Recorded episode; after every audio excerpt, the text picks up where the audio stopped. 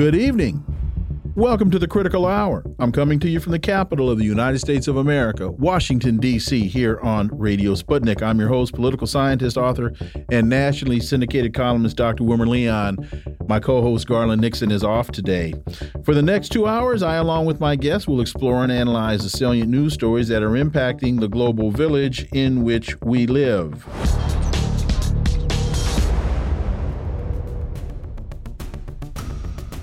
Last week, we discussed the possibility of this happening. Now it's confirmed. Sputnik News reports North Korean leader Kim to visit Russia in coming days at President Putin's invitation. For insight into this, let's turn to my first guest. He's a Moscow based international relations and security analyst, Mark Sleboda. As always, Mark, welcome back. Dr. Leon, thanks for having me. It's always an honor and a pleasure to be on the critical hour. So it's now been confirmed that North Korean leader Kim Jong un will visit Russia in coming days at the invitation of Russian President Vladimir Putin. And during the visit, negotiations between delegations and, if necessary, a one on one meeting with Putin are planned. The Kremlin spokesman added that being Dmitry Peskov. This comes on the heels of Kim Jong un uh, has uh, he met with Russian Defense Minister Sergei Shoigu in Pyongyang, and again we talked about it last week. Mark Sleboda, it has now been confirmed. One of the things that I find interesting is that this meeting is taking place at the request of President Putin. Your thoughts, Mark Sleboda? Yeah. Okay. So um, obviously, the Russian Defense Minister sent the groundwork mm -hmm. uh, for uh, what is obviously a very a fairly significant meeting uh, because it needs to be signed off uh, by the two leaders. Um, the destination where they'll meet is is still to be announced. That has not been revealed, although it is widely suspected that it will once again be Vladivostok, uh, near North Korea. This is where Putin and Kim Jong Un met the first time back in 2019 when Kim Jong Un arrived via his usual method of travel in armored train. Uh, he does not uh, fly. Um, that is quite traditional for North Korean leaders. Um, and um, the uh, meeting will probably take place on the sidelines of the Eastern Economic Forum, which Putin is now attending in Vladivostok. Um, the topics of discussion are almost certain to be the uh, a military technical agreement between North Korea and Russia uh, for North Korea to provide uh, munitions, uh, munitions productions uh, capability to Russia. Uh, this is a Russian response to the U.S. dragging South Korea and Japan into the, uh, shall we say, arms procurement race for the conflict, with the NATO having run out of uh, several uh, basic military supplies that the Kiev regime needs for the conflict, like artillery shells, um, and turning to South Korea and Japan to help um, plug uh, the hole uh, in uh, NATO production, which uh, they have been unable to ramp up fast enough to anywhere near meet the Kiev regime's demand, which, according to recent Western mainstream media reports, they're firing 8,000 artillery shells a day. Uh, Russia has significant amount of artillery uh, munitions left over from the Soviet Union, uh, but um, the, the rate that Russia is firing, estimated uh, day, varying daily, somewhere between 30 and up to 60,000 artillery shells a day. Wow. Um, uh, yeah. Um, so, yes, several times what the Kiev regime uh, is capable of, um, even, you know, uh, with uh, all of the NATO munitions and now cluster munitions being used simply because they become an 155 millimeter artillery shell jacket, likewise. Uh, so this is all about munitions, at least from the Russian side. Um, the uh, North Korean uh, military um, has um, artillery shells and also rockets for uh, basic rocket systems like the Grad uh, multiple launch rocket system that are compatible with Russia's. Um, North Korea is likely to uh, seek, uh, in response, uh, some type of um, economic, increased economic cooperation, uh, probably North increased amount of North Korean workers sent to Russia for uh, manual labor like construction, forestry, things like that, but also um, military technology.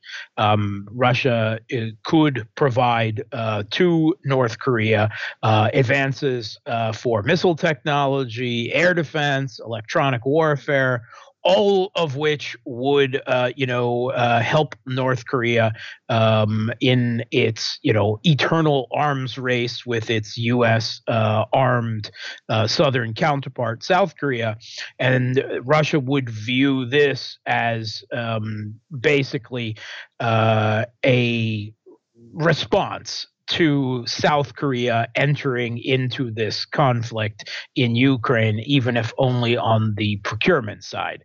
But what we see is that increasingly the world is dividing into camps of countries that are not only aligned with, but in many cases now supplying arms to either one side or the other, Russia or NATO and their proxy Kiev regime uh, in Ukraine uh, for this conflict. Now, in its, uh, you know, we're well past a year and a half at this point. Asia Times reports Abrams upgrade scrapped after Leopard's tank in Ukraine. U.S. Army recognizes it needs to change direction after the damage done to Germany's supposedly superior tanks in Ukraine. According to Defense News, the U.S. Army has canceled its planned upgrade of the Abrams tank and is considering a different approach to the tank's future. The Army is basically saying the tank is too heavy and too vulnerable to weapons. Mark Sleboda. Yes. Um, so basically, the Pentagon uh, has been learning from this conflict, uh, like everyone else, and they have been seeing um, German uh, Leopard tanks uh, burning on the fields of uh, southern Zaporozhia, uh, southern Ukraine in Zaporozhye, um, as a result of, of Russian weapons. And they're saying, ooh, we thought they would do better than that. So, um, a, a, a planned upgrade um, of the Abrams tanks to take into account what the U.S. has learned about the vulnerability of uh, their allies' tanks to Russian weapons. Um, it made them completely scrap uh, their planned upgrade and and just completely reassess. They're worried now that uh, the Abrams is too heavy, uh, which we have long pointed out on this program and mm-hmm. many others. Mm-hmm. You know, um, uh, but also uh, they're they appear to be moving from a shift to a armor deflection based armor heavy um, thinking of the tank's defense to an active defense system, uh, which uh, Russia's more modern tanks, the T 90s, uh, already have. Uh, and this would help counteract the threat to drones, um, uh, hopping anti tank mines, uh, and the like. Um, and they're using as the, the model for this the Israeli trophy, trophy uh, tank active defense system, of which they have procured um, a um, hundred or so uh, from Israel, and that's what they're they're trying to base their re re re re upgrade uh, of the Abrams on. Um, so, uh, like I said, both sides are uh, militaries are advancing, uh, uh, evolving quite quickly as they see each other's weapons on the battlefield being used against each other. Also, entering interesting of note is the stripped down older Abrams that are being uh, sent to Ukraine, they were expected to start arriving in small batches starting in mid September. And we've just had the word that that is going to be delayed and that the uh, Kiev regime's tank crews currently training in Germany will continue training there until all 31 of the Abrams are received. No word of how long that will be, but it will be at least weeks, if not several months, which means we will not get to see Abrams burning this year uh, on the fields of Zaporozhye uh, during uh, the Kiev regime's uh, failed uh, offensive to the south. And let me say, folks, if you want to see a very frightening photograph, go to this Asia Times piece. Uh, Abrams upgrade scrapped after Leopard's tank in Ukraine. And there is a photograph of this tank that looks like it has just been struck by a missile with two guys walking past it like they're on their way to lunch. That's a very interesting picture. But if you want to see a very frightening photograph of a tank, of a Leopard tank being destroyed, this is a this is quite a, a frightening a frightening photograph. In Sputnik, yeah, I'm, I'm, not sure that photograph is actually. Yeah, I wondered the same thing. Yeah, I, yeah, yeah, it might be Photoshop. When I saw the two guys walking past it, I said, "Eh." And, but anyway, it is still a frightening photograph. Moscow hopes Finland, Sweden will not deploy missiles targeting Russia. Uh, Russia has no issues with either Sweden or Finland related to the security area, related to territories. The uh, uh, Peskov said, adding that these countries are not waging a civil war against their regions. These countries are not killing Russians on their territory. These countries are not banning the Russian language as the language of outcasts. What does this mean, Mark Sleboda? Yeah, uh, saying that uh, basically uh, Finland and Sweden uh, joining NATO. Well, Russia may not like it, uh, but uh, you know it is not going to do anything militarily about it, except to you know respond uh, with their own military escalation uh, and defenses in their own border.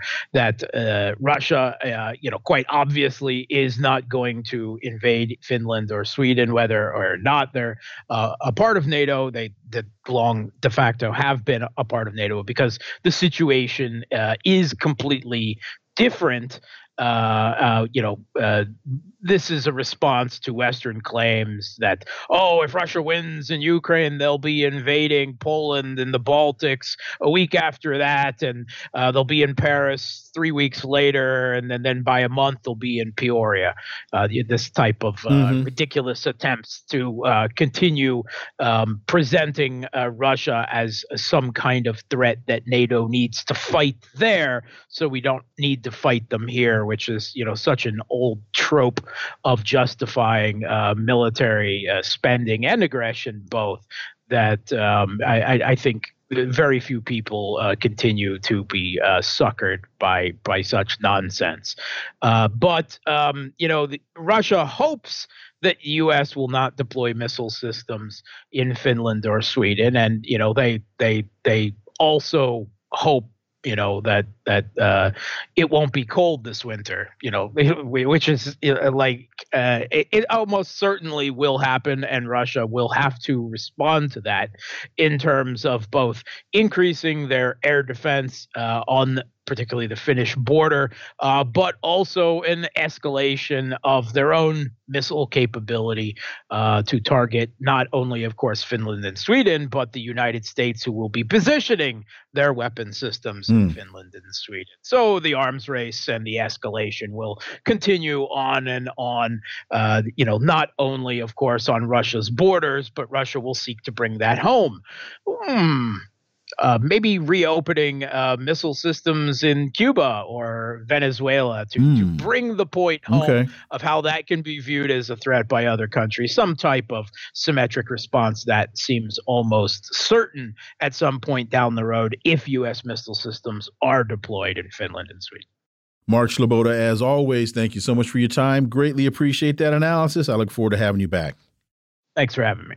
Folks, you're listening to the Critical Hour on Radio Sputnik. I'm Wilmer Leon. There's more on the other side. Stay tuned.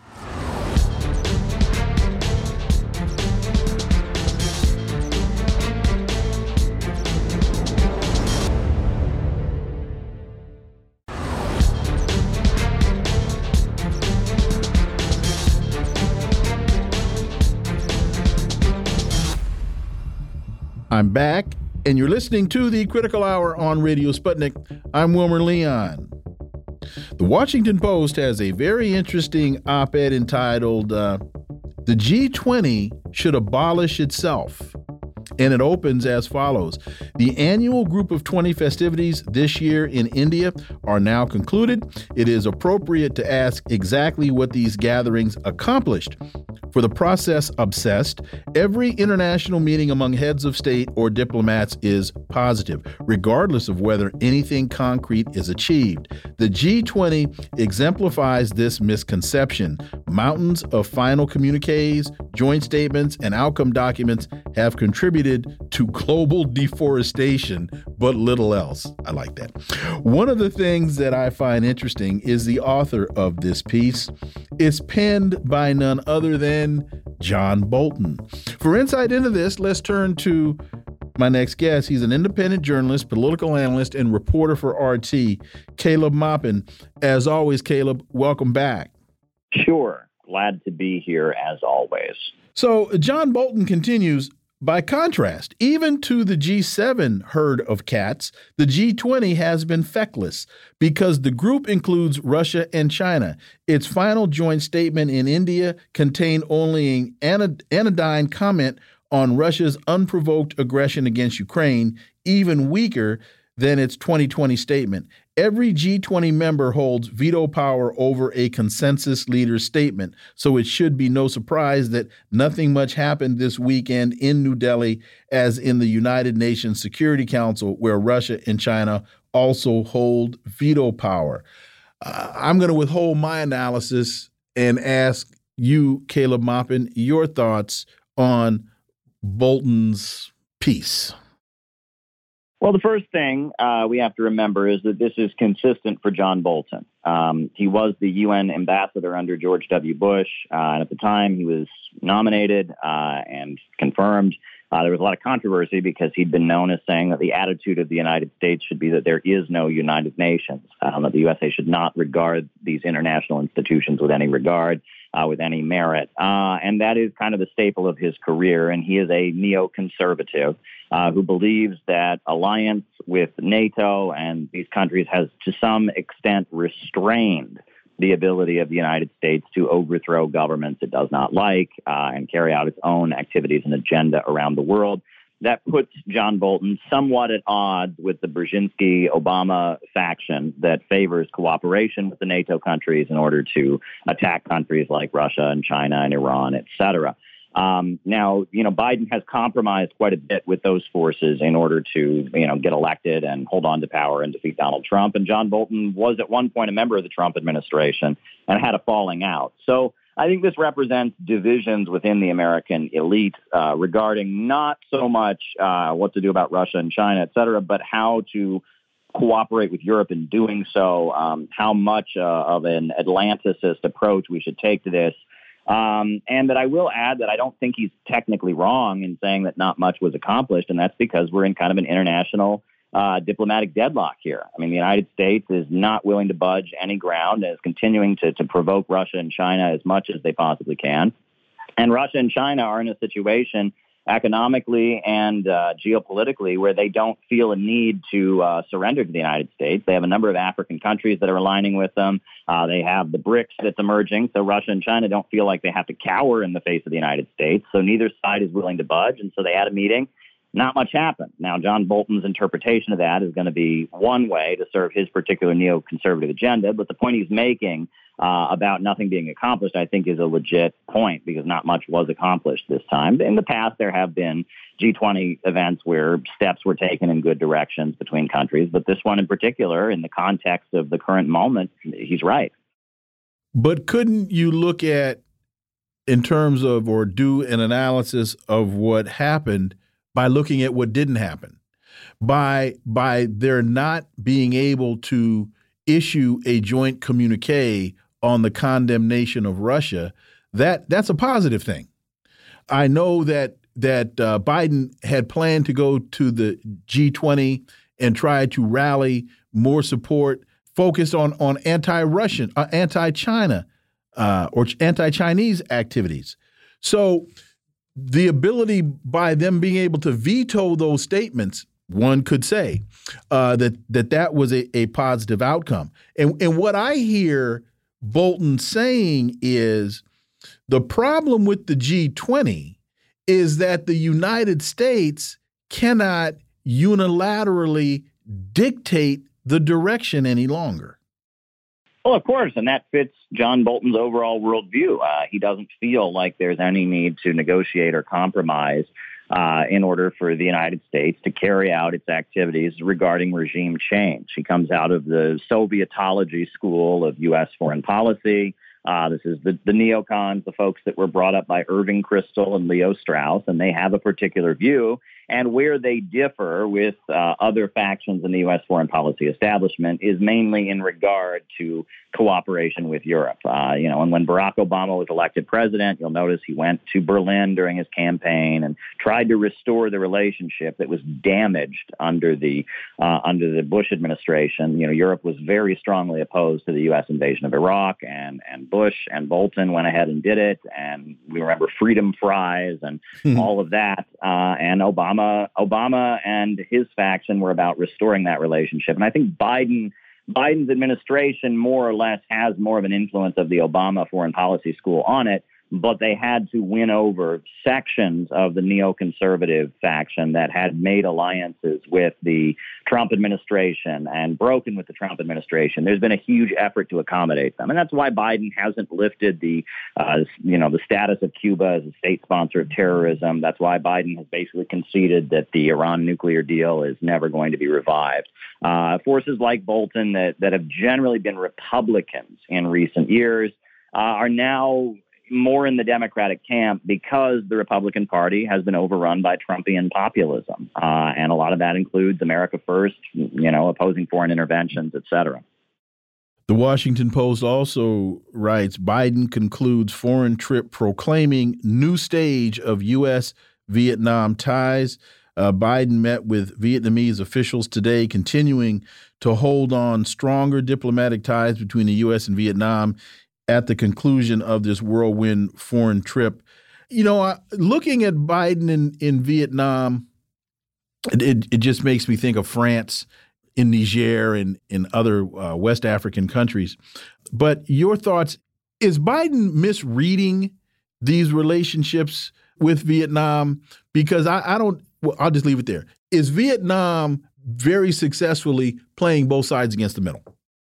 I think that for a long, long time, I mean, going back many decades, the United States has worked very, very hard to exacerbate uh, the territorial disputes and ethnic, long-standing ethnic tensions that have existed between the Vietnamese people and the Chinese people that go back thousands of years. Uh, you know, there's been wars and conquests by various Chinese dynasties and, and mass murders and, and genocides and and it, this is this is something the United States certainly didn't start, but it's been there, right? And even though Ho Chi Minh and Mao Zedong worked together, uh, you know, during the Second World War to fight against Japan and and such, the United States has latched on to the fact that these are these are two ethnic groups and two nationalities that have a history of fighting with each other. And you know, right before the United States established diplomatic relations with China, um, the, China invaded Vietnam in 1978, the Kampuchea War.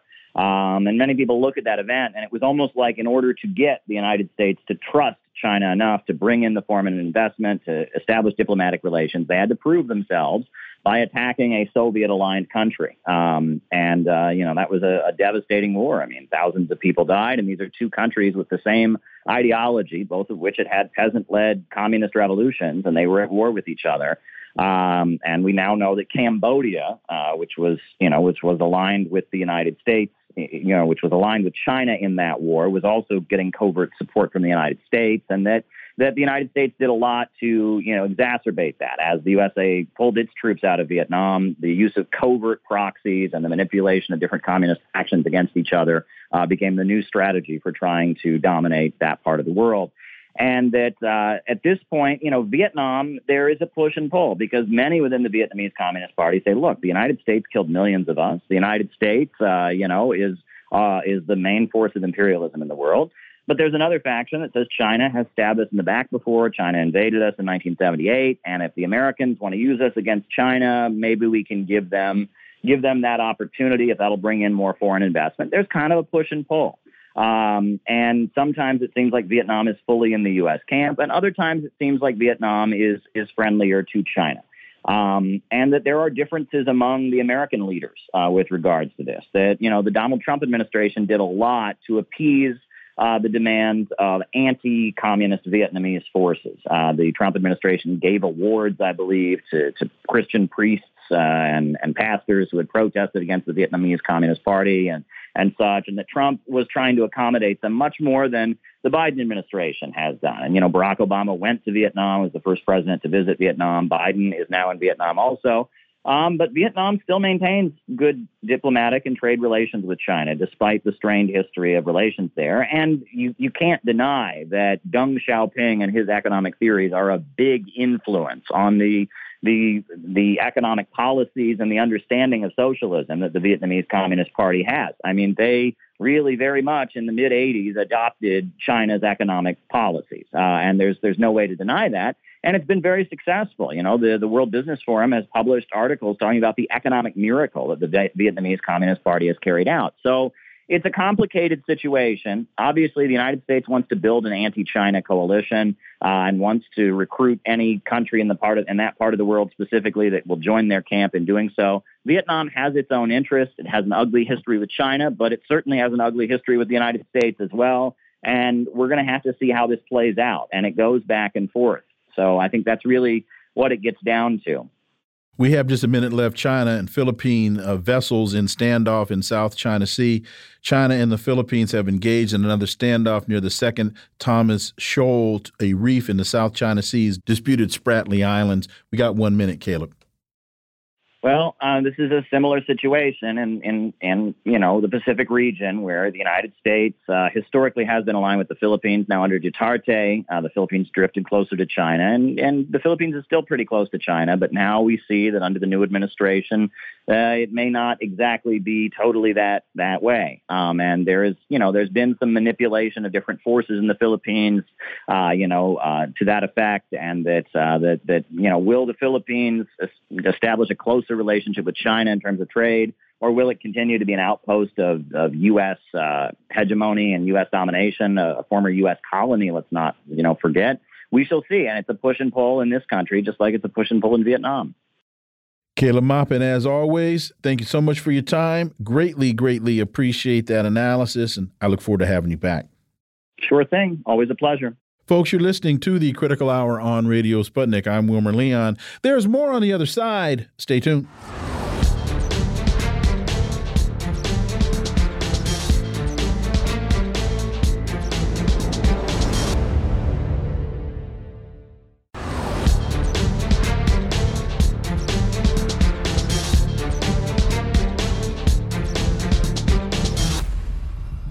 I'm back, and you're listening to the Critical Hour on Radio Sputnik.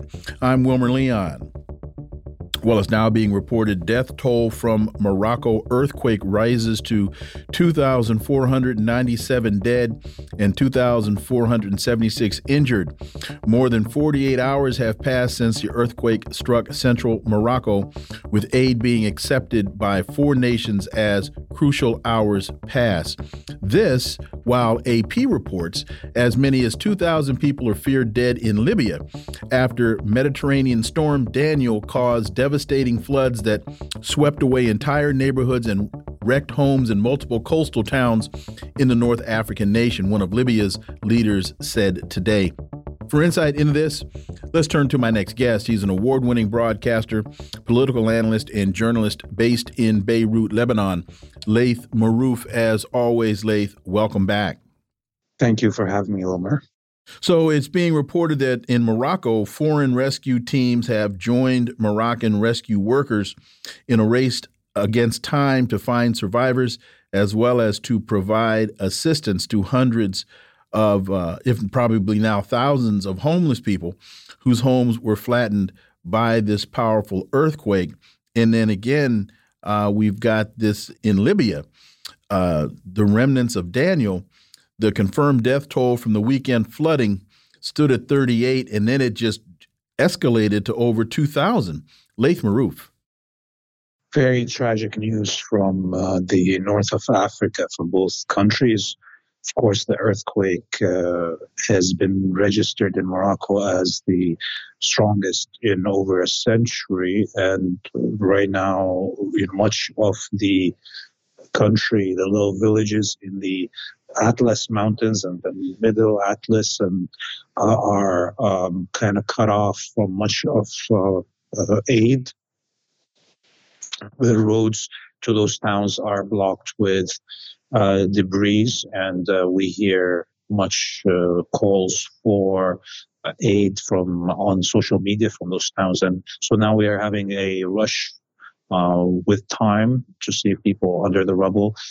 A lot of countries are trying to send aid, uh, some of them even being sanctioned countries like Iran, who the Iranian people um, you know, gathered uh, donations and are sending directly planes because in their inability to send uh, money or to because of the sanctions. Um, so this is very tragic for Morocco. Of course, that reminds us of what happened in Syria and Turkey, and and the story about Libya. That's now a, within 24 hours, the numbers jump.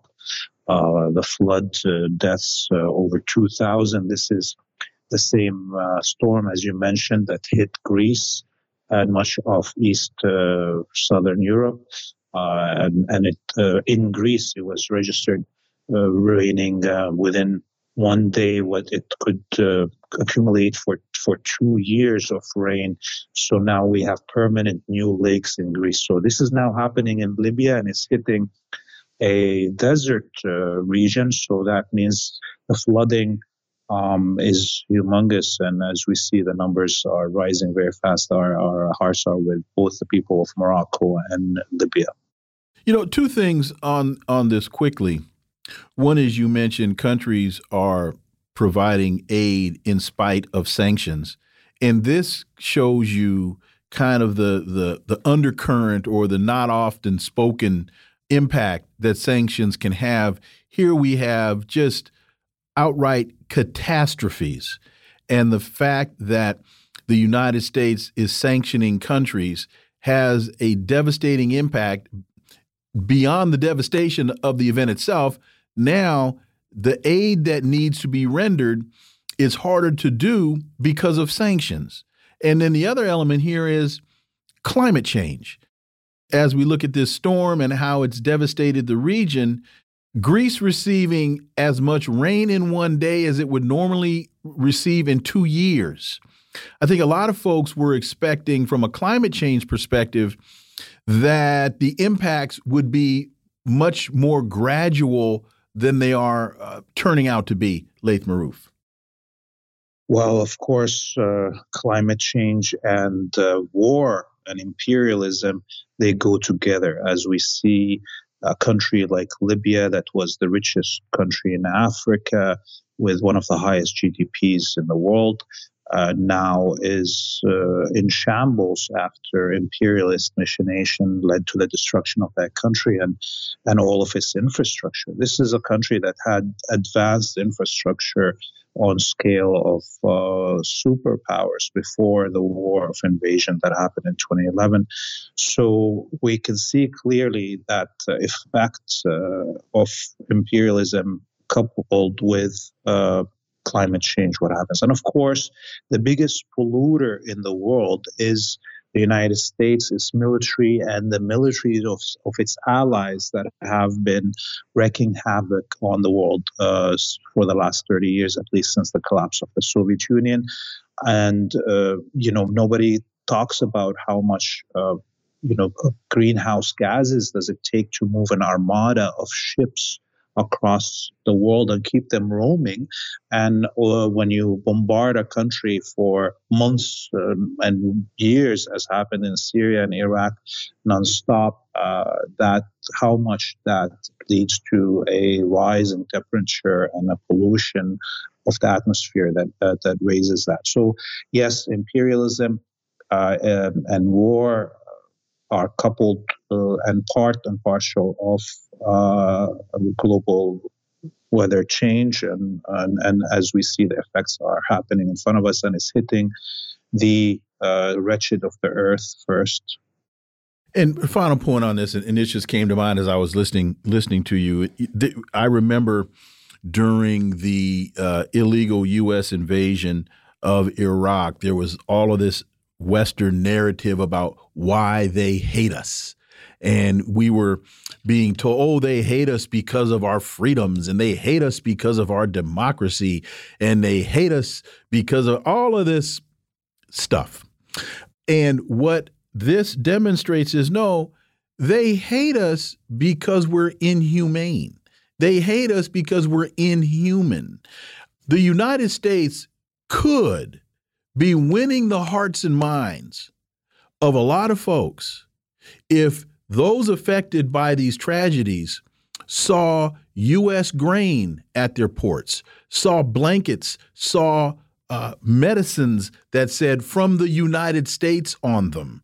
And, you know, I, I remember saying during the uh, a lot of the conflict in Afghanistan, yes, we should be bombing Afghanistan. We should be bombing the hell out of Afghanistan with bottles of water and blankets and medicine and bricks to build buildings. That's what we should be bombing them with. But they hate us because of what we do, not because of what we proclaim, Laith Marouf. You know, two things come to mind when you just uh, mentioned these things. One is look at Russia.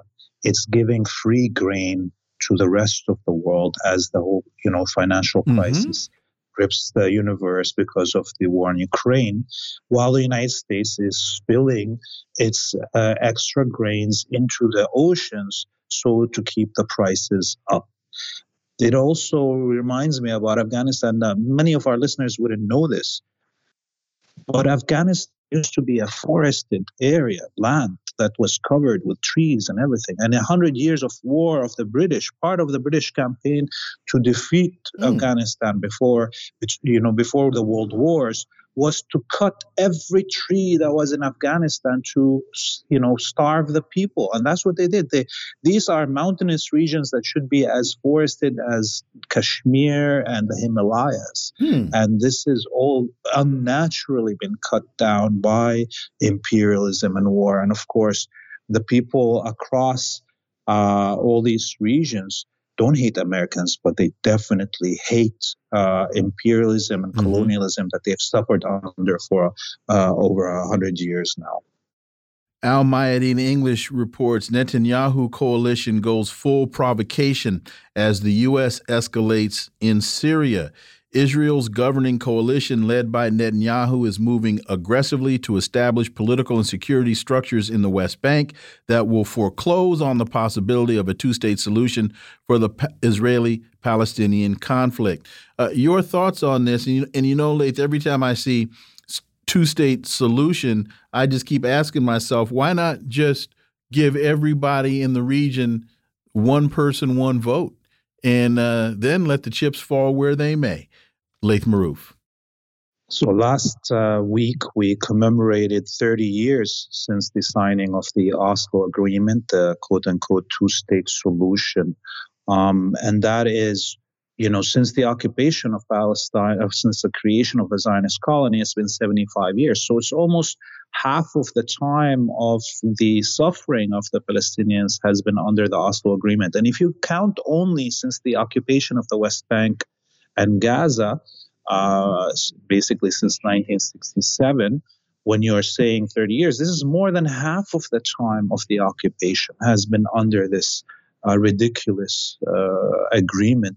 So that means that uh, this agreement has been worse for the Palestinians and has only solidified the occupation, and it is part and partial of the occupation because it is the majority of the time uh, since the occupation has happened of the West Bank and Gaza.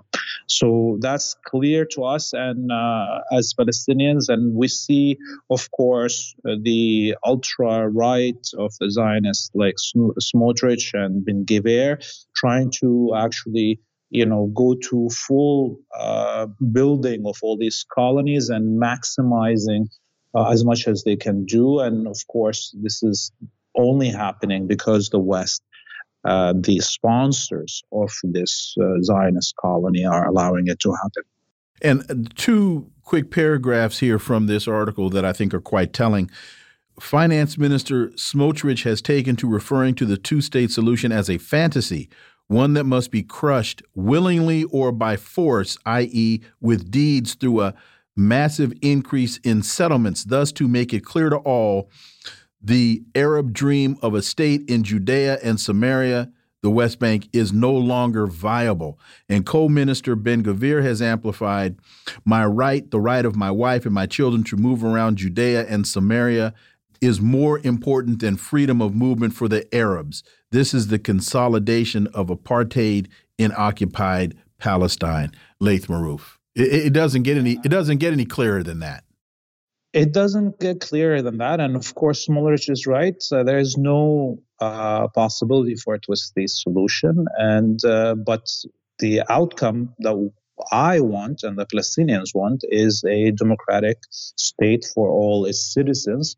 The outcome that he is uh, proposing is a Jewish supremacist state with Palestinians there as slaves and second class citizens uh, um, and cheap labor um, that have no rights. And of course, Ben Gvir uh, spoke it very clearly. He believes his wife and children have more rights than the wives and children and husbands of Palestinians. Uh, this is it couldn't get clearer than that. Any anybody that points this out in the West is called an anti-Semite, you know, and uh, now we know this is only happening because the West allows it to, because actually the upper elite in the Western states are all Zionists and support Jewish supremacy.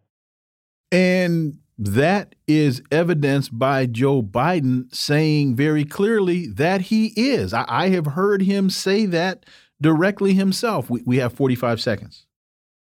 Definitely. Uh, and he said that if he's not only a Zionist, uh, that if Israel was not created by the Jewish colonists, that he would have created it himself and the United States would have had to create it themselves. And this is what we must understand the Zionist colony is not an aberration.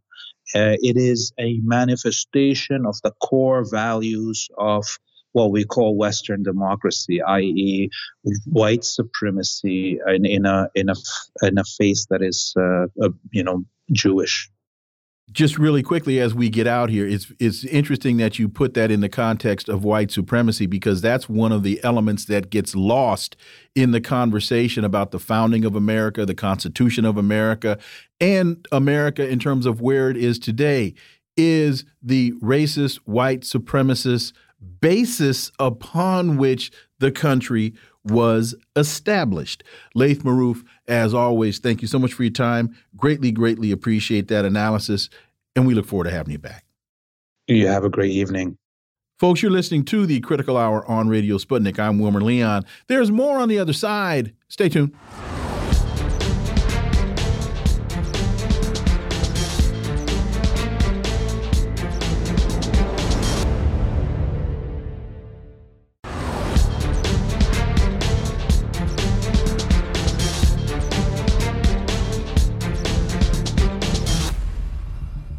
I'm back, and you're listening to the Critical Hour on Radio Sputnik. I'm Wilmer Leon.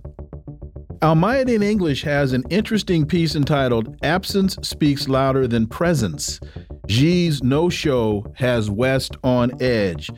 A report by CNN on Friday detailed how Chinese President Xi Jinping's no show at the G20 summit in India this month is raising concerns among Western leaders that his first no attendance to the summit may point out that China is transmitting a clear message about its ambitions to reshape global governance.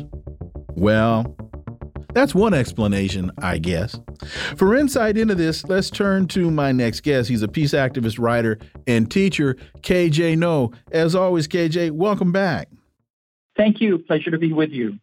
So CNN continues since assuming the presidency for the last three terms, Xi has never missed a summit. His decision to skip this year's summit has been met with speculation, but no official explanation has been given.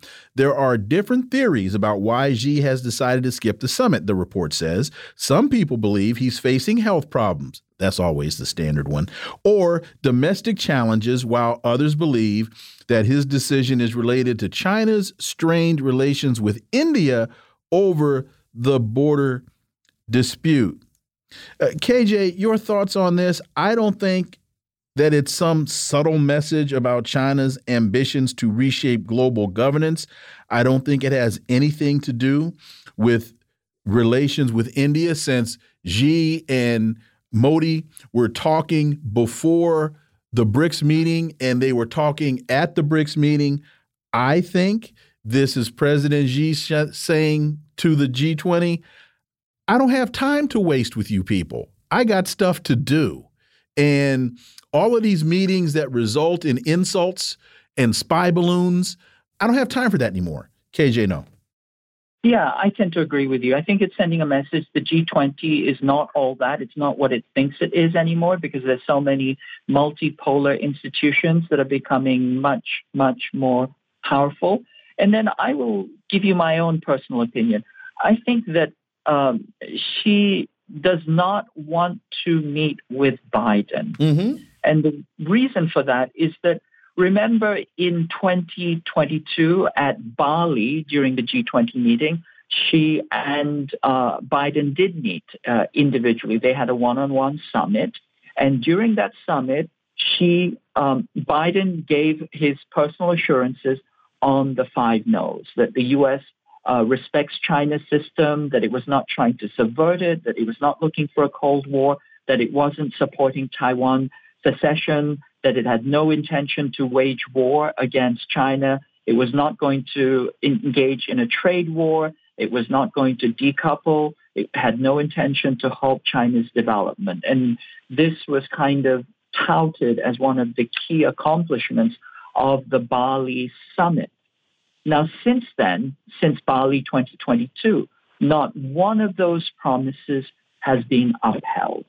And so I think that Xi does not want to be in a situation where he has to meet with Biden formally, informally, uh, and uh, deal with somebody who essentially has no credibility. It's simply lie after lie after lie. Every promise has been broken, just as Biden has broken every promise to, you know, the people, to the citizens of the United States as well. So he's, I think he's sending a message.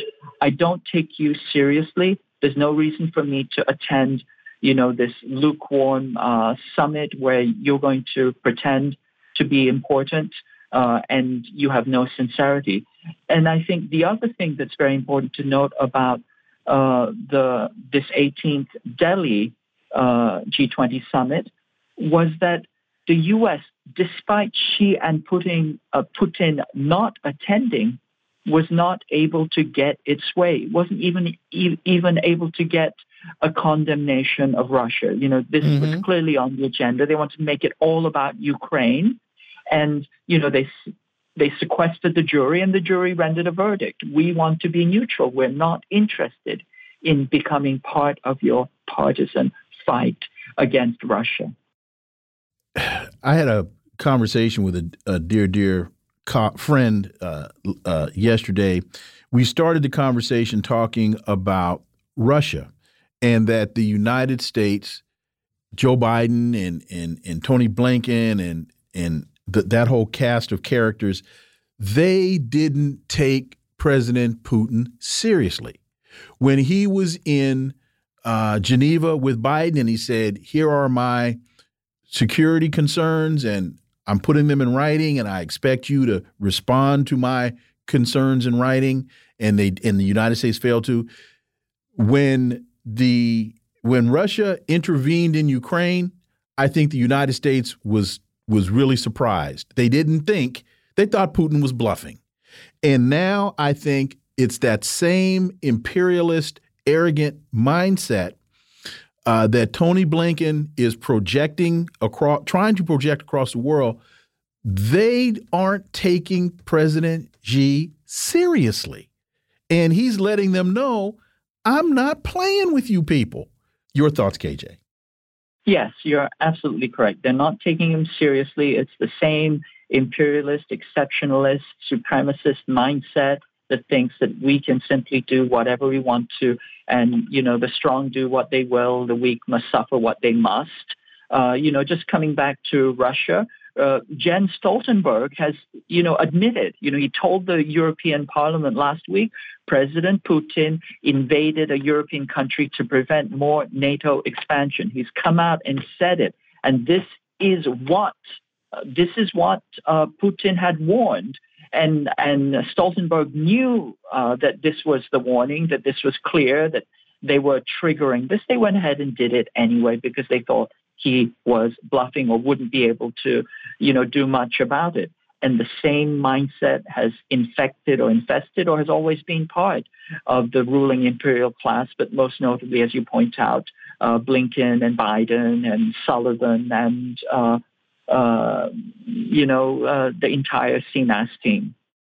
Times of Israel reports, along with a, num a number of other outlets, uh, Sputnik being one, Moscow and Pyongyang confirm North Korea's Kim Jong un to meet President Putin in Russia. Visit comes as Russia looks to secure a supply. Now, this is the part I find kind of funny. Uh, Russia looks to secure a supply of arms and ammunition to fuel its war in Ukraine and prompts fears Moscow could transfer advanced technology to North Korea. Uh, the reason I say, uh, KJ, I find this amusing is the secure a supply of arms. I remember Scott Ritter saying, even before this conflict uh, started, he said, Russia will will run out of targets before it runs out of artillery. Your thoughts here, and what one of the things that interests me is that this meeting is at President Putin's request. Your thoughts, KJ? Yeah. Well, I mean, the first thing to note is, you know, there's all this speculation. Was it happening? Was it not happening? Let's be very clear. North Korea and Russia have had long standing ties uh, long-standing relationships, and they're neighbors. They share a border. So for Kim Jong Un to meet with uh, Putin is not something extraordinary. If the U.S. meets with the Canadian Prime Minister, that's not an extraordinary thing. So let's do away with all this extraordinary speculation. The second piece of it is that, you know, there for many, many months there was a speculation that North Korea was shipping arms to Russia because running out of weapons and it was sending them through, you know, the Mediterranean and the Black Sea and God knows what. Once again, let's point out Russia and North Korea share a border. If there was any, uh, you know, shipping going on, it would not have to go through channels where it could be easily interdicted. But that said, and I just want to say all of this because I want to point out all of the kind of propaganda and mis, uh, you know, the wrong framing that is happening here, is that simply that um, North Korea and Russia are allies. They've been allies for a long time. Russia has always been, almost always been, a strong supporter of North Korea and vice versa. North Korea has been a strong supporter of uh, of uh, you know Russia in this conflict, uh, and and also Russia holds a large amount of used to hold a large amount of North Korea's debt, which it wrote off. Uh, 90% of. Uh, North Korea is the first country to recognize the Donetsk and uh, Luhansk People's Republic in Asia. And North Korea has also volunteered to send 100,000 troops to the Donbass. Okay, so, I mean, these are strong ties, strong relationships. It's not something which is a surprise, but what is a surprise, or what is rather foolish to assert, is that North Korea will be sending arms to Russia. I'm absolutely with you on that. Uh, with Scott, uh, Russia has no need uh, for arms, and I think it's the U.S. projecting its own uh, insecurities and its own shortages uh, onto the Russia uh, North Korea relationship. It is the U.S. Right now, or the Ukraine right now, or NATO, which is saying my kingdom, my kingdom for a shout. Right? It's not North Korea and it's not Russia. Philippine vessels in standoff in South China Sea. The U.S. recently carried out a joint naval patrol in South China Sea with Manila. And China and the Philippines have engaged in another standoff near the second Thomas Shoal, a reef in the South China Sea's disputed Spratly Islands. This comes as Washington is building up its military presence in the Philippines and elsewhere in the region eyeing a future war with Beijing, and I would say eyeing with starting a future war in Beijing. Your thoughts, KJ Noh? Yes. Well, I mean, this is a long-standing issue. You know, uh, once again, in the South China Sea, there are five, six claimants. Their claims bisect, trisect, quadrisect.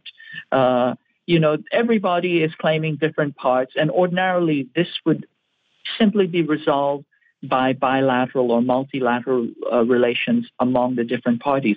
What has happened was that the U.S. inserted itself into the relationship between the Philippines and China in order, in order to provoke a conflict of this type. This it created a fraudulent uh, tribunal. It paid, it was a paid private tribunal, which China did not agree to arbitrate on, and they went ahead and did it anyway, and they got the decision that they paid for. Ordinarily, it should have gone to ITLOS, the International Tribunal on the Law of the Sea. Instead, they took it to a private tribunal in The Hague, which they paid for, you know, the coffee, the tea, the Xerox, and the lawyers and they got what they wanted. And since then, they've used it to escalate as a form of warfare against China. And now uh, the U.S. is provoking even further on the second Thomas Shoal.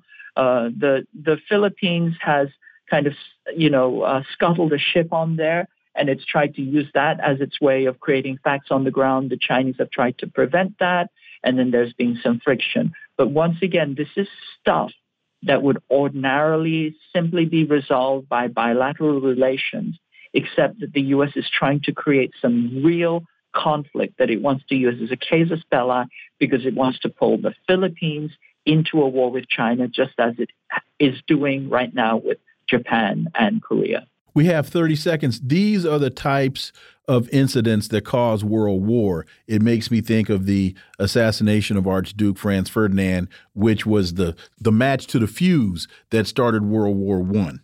20 seconds. You're absolutely correct. Yes, you're absolutely correct. These are the types of issues, small incidents that are that could that turn into huge conflagrations. And it's actually what the U.S. is trying to provoke. It's clear that the U.S. is trying to do this. That's why it's so adamant of creating as much friction as possible. KJ Noh, as always, thank you so much for your time. Greatly, greatly appreciate that analysis. I look forward to having you back. Thank you. Always a pleasure. Folks, you're listening to the Critical Hour on Radio Sputnik. I'm Wilmer Leon. There's another hour on the other side. Stay tuned.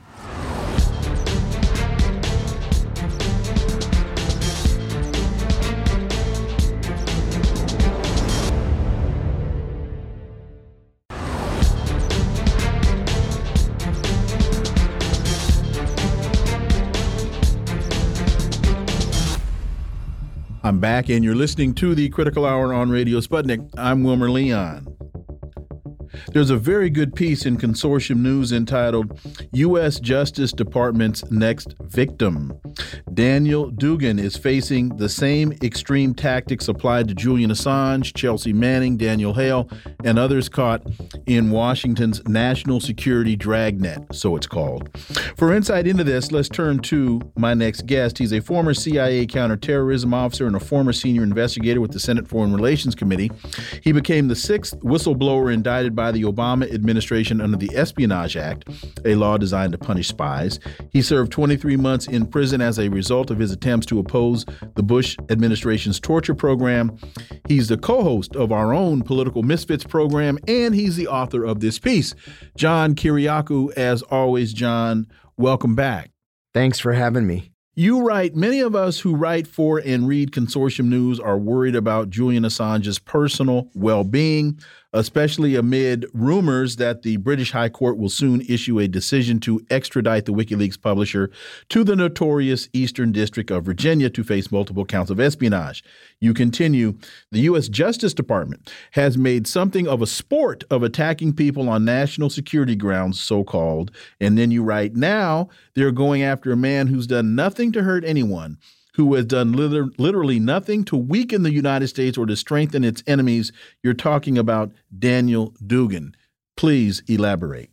I am. Dan Duggan is a former Marine Corps pilot uh, who retired as a major and married an Australian woman. He became an Australian citizen and gave up his American citizenship. So he is only a citizen of Australia. That that becomes important later. Mm -hmm. uh, like many former uh, pilots, military pilots especially, he went into the aerospace industry.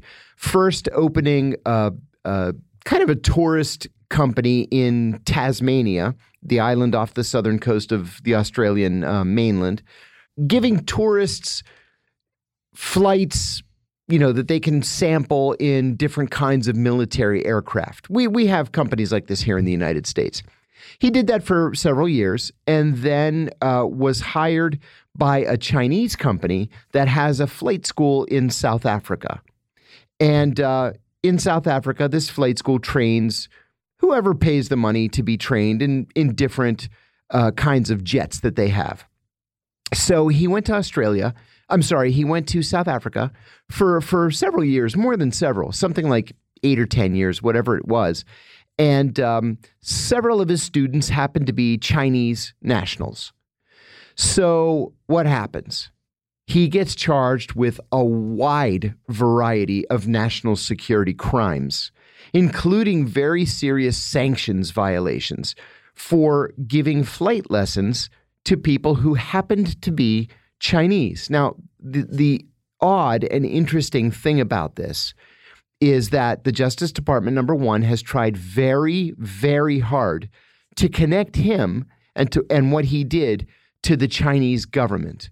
Well, there is no connection to the Chinese government. So what they've done is they've said that his business partner, the owner of the South African school, has an office in a building in Shanghai that the and the building also has offices that are uh, rented by elements of the Chinese government. And it just so happened that one day during a rainstorm, right. President Xi happened to walk by another building three blocks away. Right. So he must be guilty. Wow. Yeah, that was number one. Number two, nobody, and I mean this in the literal sense of the word, nobody else in the company or in the flight school has been accused of committing a crime. Number three, the flight school, and he's not an owner of the flight school, he was working for the flight school. The flight school is not the subject of a sanctions investigation. So, why charge him with these grave national security crimes. He's facing 45 years in prison. So he was arrested in Australia and he's being held in a maximum security penitentiary in solitary confinement awaiting extradition. Now, he's already been held for one year in solitary confinement. His wife told me recently he's literally losing his mind because of the conditions of his confinement. He has not been charged with any crime in Australia. And in fact, providing flight lessons to Chinese nationals is not a crime in Australia. I'm not even sure, frankly, that it's a crime in the United States because what they charged him with specifically was violating sanctions. Well, sanctions have not been imposed by Congress. So he's not in violation of a specific law. He's in violation of an executive, um, uh, an executive branch regulation. Act. Correct. An administrative act. An administrative act uh, enacted by the Department of the Treasury. So what exactly is going on here? Remember, he's not even an American citizen. Well, and that takes us, of course, uh, back to what you uh, were we're talking about in terms of Julian Assange, who's, yeah. who's not an who's American, not an American, American citizen. Mm -hmm. So I also find the fact that Australia is involved here. Once again, another Australian citizen. Australia is is doing the bidding for the United States against its own citizens. That's right. And this takes me back to what was it, eight or nine years ago when the U.S. went in and and did a coup in Australia and essentially, yeah. Um, so yes. how does Australia where where what what is their fear here? Right. Australia has changed a lot mm -hmm. in the last 10 years. Mm -hmm. um, it doesn't matter who the prime minister of Australia is. It's become a very conservative, uh, very solidly, staunchly pro American, pro US military uh, country. Now, I wrote a piece in Consortium News that I think is, is apropos of this conversation. I wrote about an Australian national by the name of uh, David Hicks. Mm -hmm. um, David Hicks was is an Australian citizen who was kind of a lost soul as a young man. When he was in high school, he converted to Islam. He self radicalized and he decided to move to Australia, uh, sorry, to move to Afghanistan to um, volunteer with the Taliban. This was before 9 11. So while he was volunteering, because he didn't speak Urdu, Pashto, Arabic, he didn't speak any of those languages, um, they decided to just have him serve as a security guard on uh, a Taliban airbase in Kandahar. One day in the late 1990s, Osama bin Laden happened to come by to say hello and talk to people who were working at the base. And he took bin Laden to task, according to eyewitnesses, for not speaking English and not publishing Al Qaeda publications in English. He said, Look, I don't speak Arabic. A lot of these guys from the West don't speak Arabic. You should do this stuff in English. People laughed at him at the time. But he also came to the attention of Western intelligence services when word of this encounter got out. He happens to go to visit a friend in Pakistan, and 9 11 hits. As soon as he sees the news that 9 11 uh, took place, he went back to Afghanistan and was promptly caught by invading Americans. He was sent to Guantanamo, where he underwent relentless torture. So, what happened? What happened was the Australian government came to us at the CIA and at the White House and at DoD and said, This is an Australian citizen. You can't keep him at Guantanamo. You can't torture him. He has rights. We're a Five Eyes country. And what did we do? We found him guilty. We sentenced him to time served. And we sent him back to Australia. So, why have things changed so dramatically between then and now. This is a guy that, listen, I'm telling you, at the time, we really believed that he was an Al Qaeda terrorist. We really believed it. In retrospect, he wasn't. He was an idiot, but he was not a terrorist.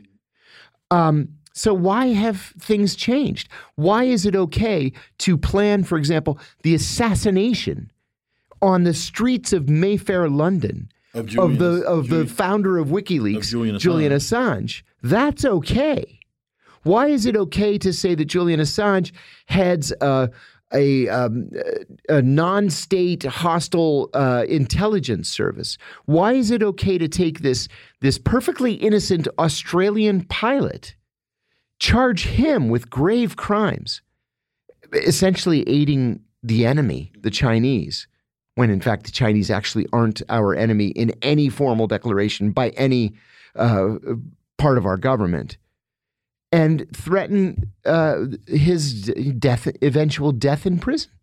Where is the Australian government? Why is the Australian government not standing up for its own citizens? Now, you know, you've reported, uh, Wilmer, that just in the past several weeks, the U.S. ambassador to Australia, Caroline Kennedy, met with a wide variety, a large group of Australian politi political figures representing every party in Australia and they expressed their concerns for Julian Assange, and she said all the right things. And then Tony Blinken said, No, no, we're not doing any of that.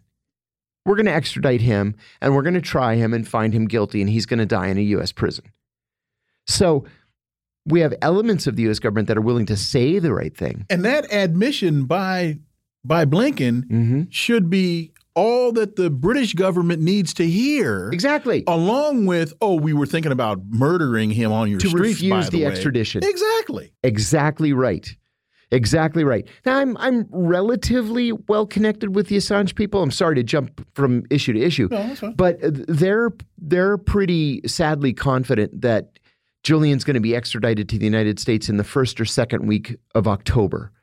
Uh, Dan Duggan, on the other hand, who is practically, you know, a shell of himself, suicidal, going crazy from from solitary confinement, he has no idea what his status is. You write this uh, the deeper problem is that this is not at all a clear cut case of a person violating national security law. Mm -mm. Duggan is just a guy caught up in big state politics. The issue here is that the U.S. is engaged in a Cold War with China, whether it's over trade, Chinese successes in Africa, the Belt and Road, espionage and counter espionage, uh, and that Duggan is a victim of that Cold War. Mm -hmm. That's great analysis, but it's unfortunate that the Cold War that you're referencing is really only in the mind of the United States. The United Isn't States is fighting ghosts here. You're absolutely right. We are fighting ghosts. You know, I remember when when Donald Trump first became president, he initiated these very heavy uh, sanctions, trade sanctions on China, and I thought, wow, that's a mistake. But you know, this is what Trump said he was going to do, so this is what he's doing even if I disagree with it. But then Joe Biden became president. And if anything, he made the relationship with China tougher mm -hmm. and worse. Mm -hmm. The, the Chinese government has long been very consistent in its policy, for example, on Taiwan. Um, eventual. The United States has long been consistent with mm -hmm. its mm-hmm. policy toward Taiwan, which is one of provocation. Until the Biden administration. That's right. That's right. So if the Chinese position hasn't changed since the late 1940s, and that is eventual peaceful reunification, then why are we sending carrier battle groups to the Taiwan Straits? Why are we threatening the Chinese government? Why are we selling advanced uh, fighter aircraft to, to Taiwan? Why are we angry with the Chinese government capitalizing on the United States deciding to deindustrialize its industrial base, uh -huh. and China decided that they would pick up the mantle and exploit the opportunity. And, and I'll go a little further than that. Uh, why are we so upset at the Chinese willingness to invest their money in places like Africa and Central Asia when we can't because we made a decision to have a defense budget bigger than the next nine largest countries combined? And that's what drives the policy. Mm -hmm. John Kiriakou, as always, thank you so much for your time. Great, great piece as always. And uh, look forward to having you back. Thanks so much. Folks, you are listening to the Critical Hour on Radio Sputnik. I'm Wilmer Leon. There's more on the other side. Stay tuned.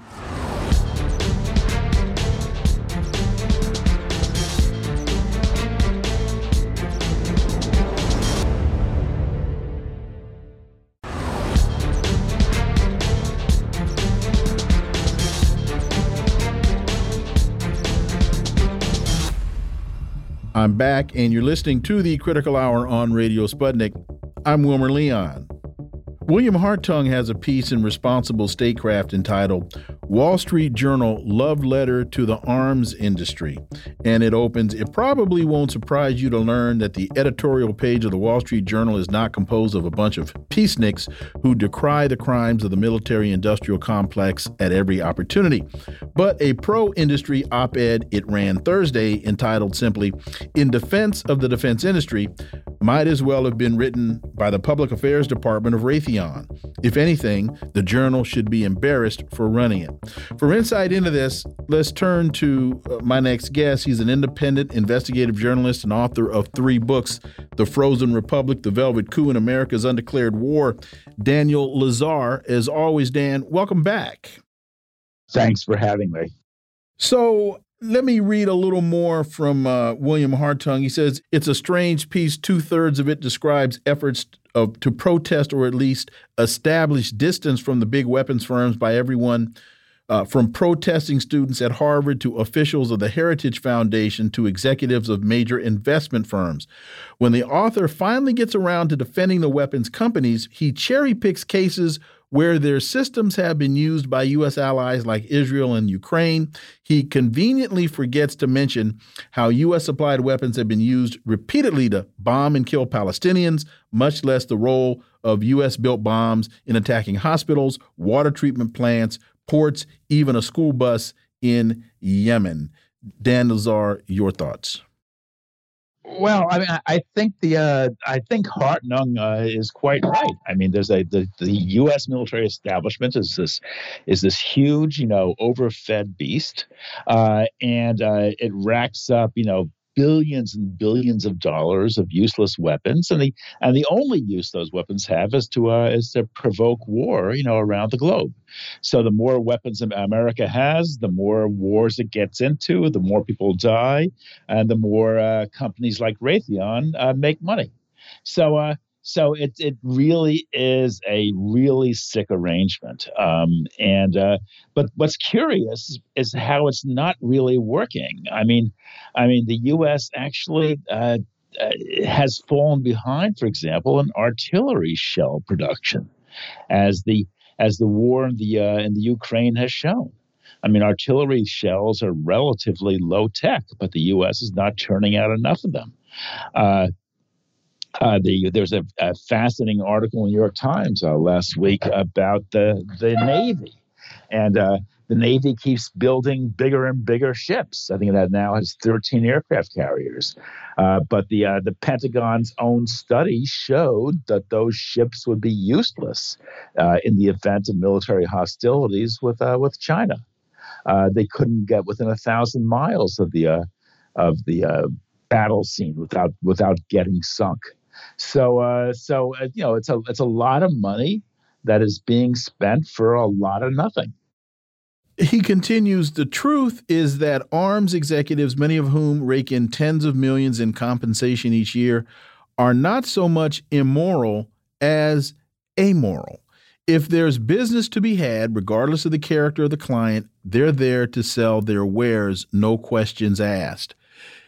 Your thoughts on that assessment, which I think is is very true, but also talk about it in the context of influence on policy, because yes, oh, go well then go ahead. Absolutely, absolutely correct. I mean, yeah, the, these these companies are are self-seeking, self-aggrandizing, you know, uh, uh, corporate entities. So so yeah, they they're in it for the buck, but it's not them alone. I mean, I mean, every year Congress votes uh, the Pentagon more money than the Pentagon actually wants.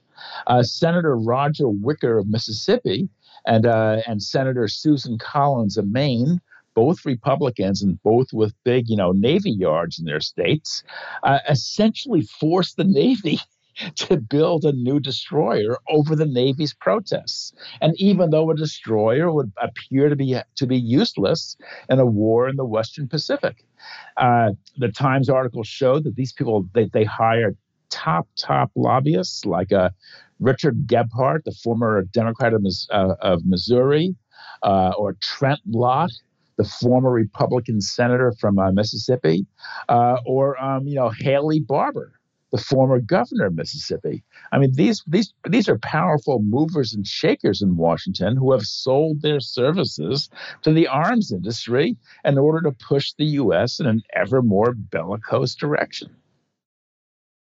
To the point of the U.S. arms manufacturers being uh, having run out of artillery, how much of that, if any of it, do you think had to do with the fact, well, no, not the fact, in my opinion, that the United States didn't expect the Russia to go into Ukraine.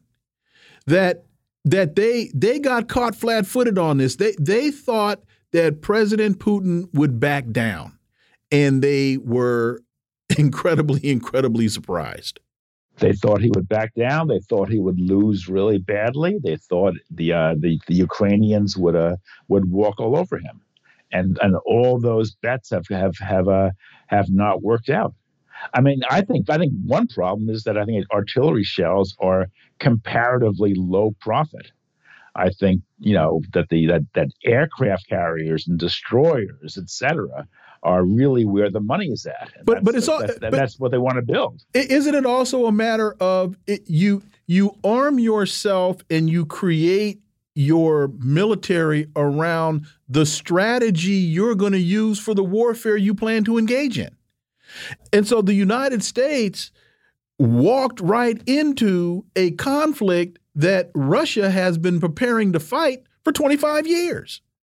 Yes, that is actually true. The uh, the um, the the U.S. is unprepared for it, and uh, the U.S. has also been unprepared for for uh, important technical developments like drone swarms, mm-hmm. for example, or uh, or landmines, or hypersonic all, hypersonic missiles. Yeah, and and these are all well, except for hypersonics, these are these are low cost, right. mm-hmm. low tech and low profit alternatives, but they are proving devastating. And in the war in, in, the in the Western Pacific, if a war does break out there, God forbid, I mean the U.S. would face similar kinds of weaponry. Uh, so so yeah, the, U, the, the, the U.S. is gearing up for war. The trouble is it's it's last century's war. You know, the I mean, that generals are always fighting the uh, the the the uh, the last battle. In this case, they're still mired in the uh, era of uh, of Pearl Harbor. You know, when when uh, you know when aircraft carriers, you know, were were all important, and the bigger the better. Uh, but that's those days are long, long gone. So help me out here. We went into Iraq, got our hinds parts kicked, went into Afghanistan what, 20 years? A trillion dollars? Got our hind parts kicked. We haven't won, went into Vietnam, got our hind parts kicked. We haven't won anything since World War II. Grenada, maybe, uh, is the exception. And here we are in Ukraine. That's done. That that that that's a lost cause. If we try to fight, we're, we're we are going into people's backyards and thinking we can take over the property. And they're saying, no, you're not coming into my backyard and ruining my cookout. You're not going to do it. And even more, they're saying that we've got these cheap and devastatingly effective new new kinds of weaponry uh, that the U.S. is unprepared unprepared to deal with. So therefore, the U.S. is not going to. The U.S. is, is afraid of going to their backyard because they they they they have reason reason to fear the consequences. So yeah, I mean, it, it's just like you know, it's like empire. It's the empire mm-hmm. is is played out. Mm-hmm. I mean, the the old strategies, the old the old weaponry, the old ideas aren't working anymore.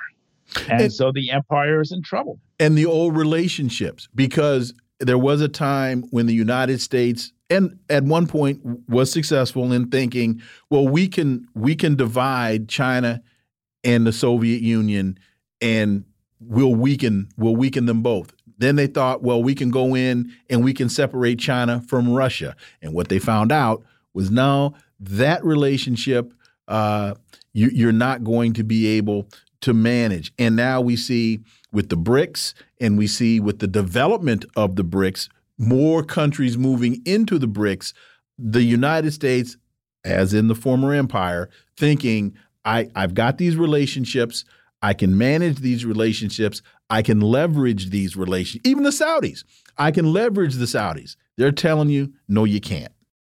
Yes, I, I think that's absolutely right. I think I think the the, the Nixon's trip to China was uh, was devastatingly effective, uh, but what's happened over the last ten years has been the opposite. The more the more the U.S. ratchets up the threats, the more he the more it drives Russia and China into each other's arms and the more it angers, you know, uh, uh, other countries like you know from from India to Brazil and Saudi Arabia, which are which are struck by America's glaring hypocrisy.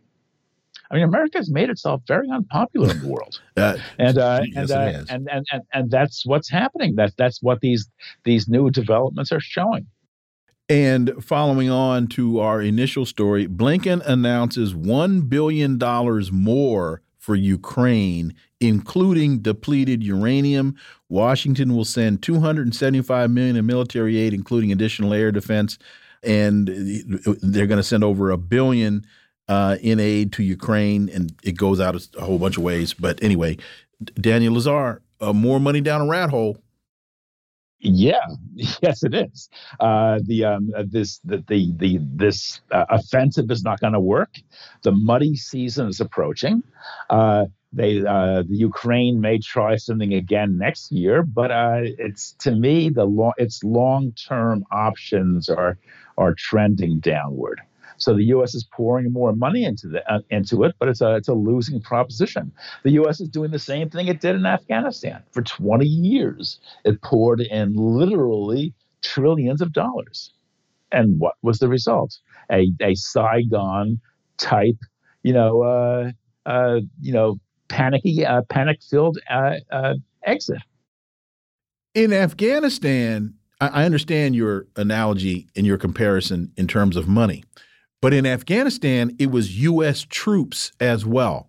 Here, the United States is trying its best to keep as few of its boots off the ground as the Ukrainians are now uh, going into retirement homes, insane asylums, and prisons. And they're even asking European countries where Ukrainian refugees have fled to send military capable Ukrainian refugees back so they can send them out and use them as cannon fodder.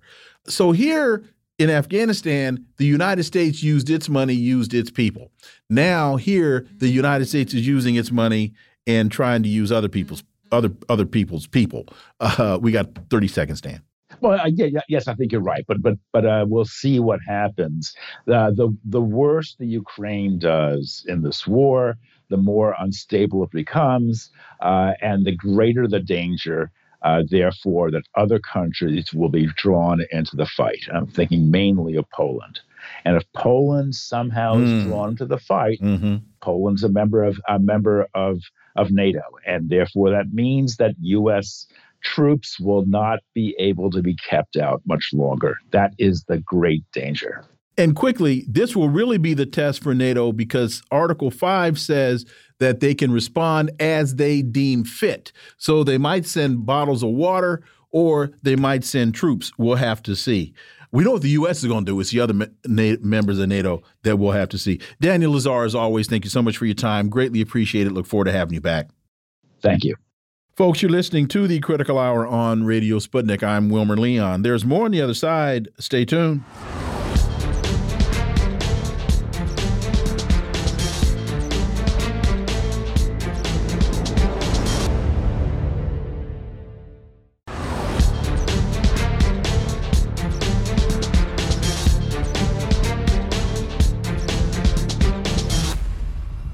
I'm back, and you're listening to the Critical Hour on Radio Sputnik. I'm Wilmer Leon. CNN has reported Eritrean Defense Forces committed war crimes and possible crimes against humanity in Tigray, according to Amnesty International. Did they? Well, for insight, let's turn to my next guest. She's a member of the Black Alliance for Peace and Horn of Africa Pan Africans for Liberation and Solidarity. Yolian Ogbu, as always, welcome back. Hi, Wilmer. Thanks for having me. So it's reported that the Eritrean Defense Forces committed war crimes and possibly crimes against humanity in Tigray, Ethiopia, immediately before and after signing a ceasefire last year. This is according to a new Amnesty International report. The 46 page report details abuses such as the rape and sexual enslavement of women who it says were subjected to physical and psychological abuse and deprivation of food, water, and medical services, as well as the extrajudicial execution of civilians during house to house searches. What is going on with this report? Yolian, and if and put it also in, in a context of of Am, Amnesty International, because a lot of people will say, well, if Amnesty International wrote it, it must be true. Right, and and I think that's the, that's the exact problem here. So, what happened with these allegations and the claims of the violence um, made towards women and civilians, unfortunately, during this crisis, should not be taken lightly. And of course, even the Eritrean government recognizes that because the next day, the day after the this report came out, you know, the Eritrean government came out with a statement um, titled "Amnesty International's Continued Assault on Eritrea." I mean, they made it clear that the research that Amnesty claimed to conduct was fundamentally flawed and the allegations were completely unsubstantiated. If you read, take a second to even read through the report, you'll see that there's no real citation of actual events that happened. It, actually, they relied completely on these, you know, remote or long distance interviews. There was no real way to validate the things that were being said. And with Amnesty International's history, particularly with Eritrea, we understand Amnesty International to be part of you know, this Western soft power mechanism in order to demonize enemies of the State Department, right? This is a way that, you know, members of the West have been able to build up manufactured consent to relay their plans to intervene ideolo- ideologically or militarily. And with Eritrea, they've been waging this campaign for decades. I mean, Black Agenda Report and several other um, outlets have also reported attempted um, destabilization efforts that Amnesty International had made towards the government of Eritrea, whether that was in 2011, whether that was earlier in the 2000s, and you know why this is happening. It's very clear. Uh, Eritrea, since gaining their independence in 1991, has been down a completely different path towards development. I mean, they don't accept foreign aid, right, from IMF or World Bank, and as a result, we have been sanctioned for decades. And particularly since this conflict with within Tigray had um, broke out, Eritrea has been under extreme scrutiny regarding their involvement in the conflict, which has been blown out of proportion. So these allegations, unfortunately, while they are terrible, and others have reported that these allegations and these crimes most definitely did happen, it was not on part of the Eritrean Defense Forces, that's for sure in this piece, it says Eritrea's Ministry of Information posted a letter that said that the report had a flawed methodology, saying that Amnesty chose to use its platform to regurgitate unsubstantiated allegations against Eritrea's military personnel taken from third party sources, faceless and nameless, in continuation of its libelous decades long campaign against the state of Eritrea. And I think it's also important as we talk about Amnesty International, I think they were involved in the White Helmet investigation in Syria, which I think was proven very clearly uh, not to be true.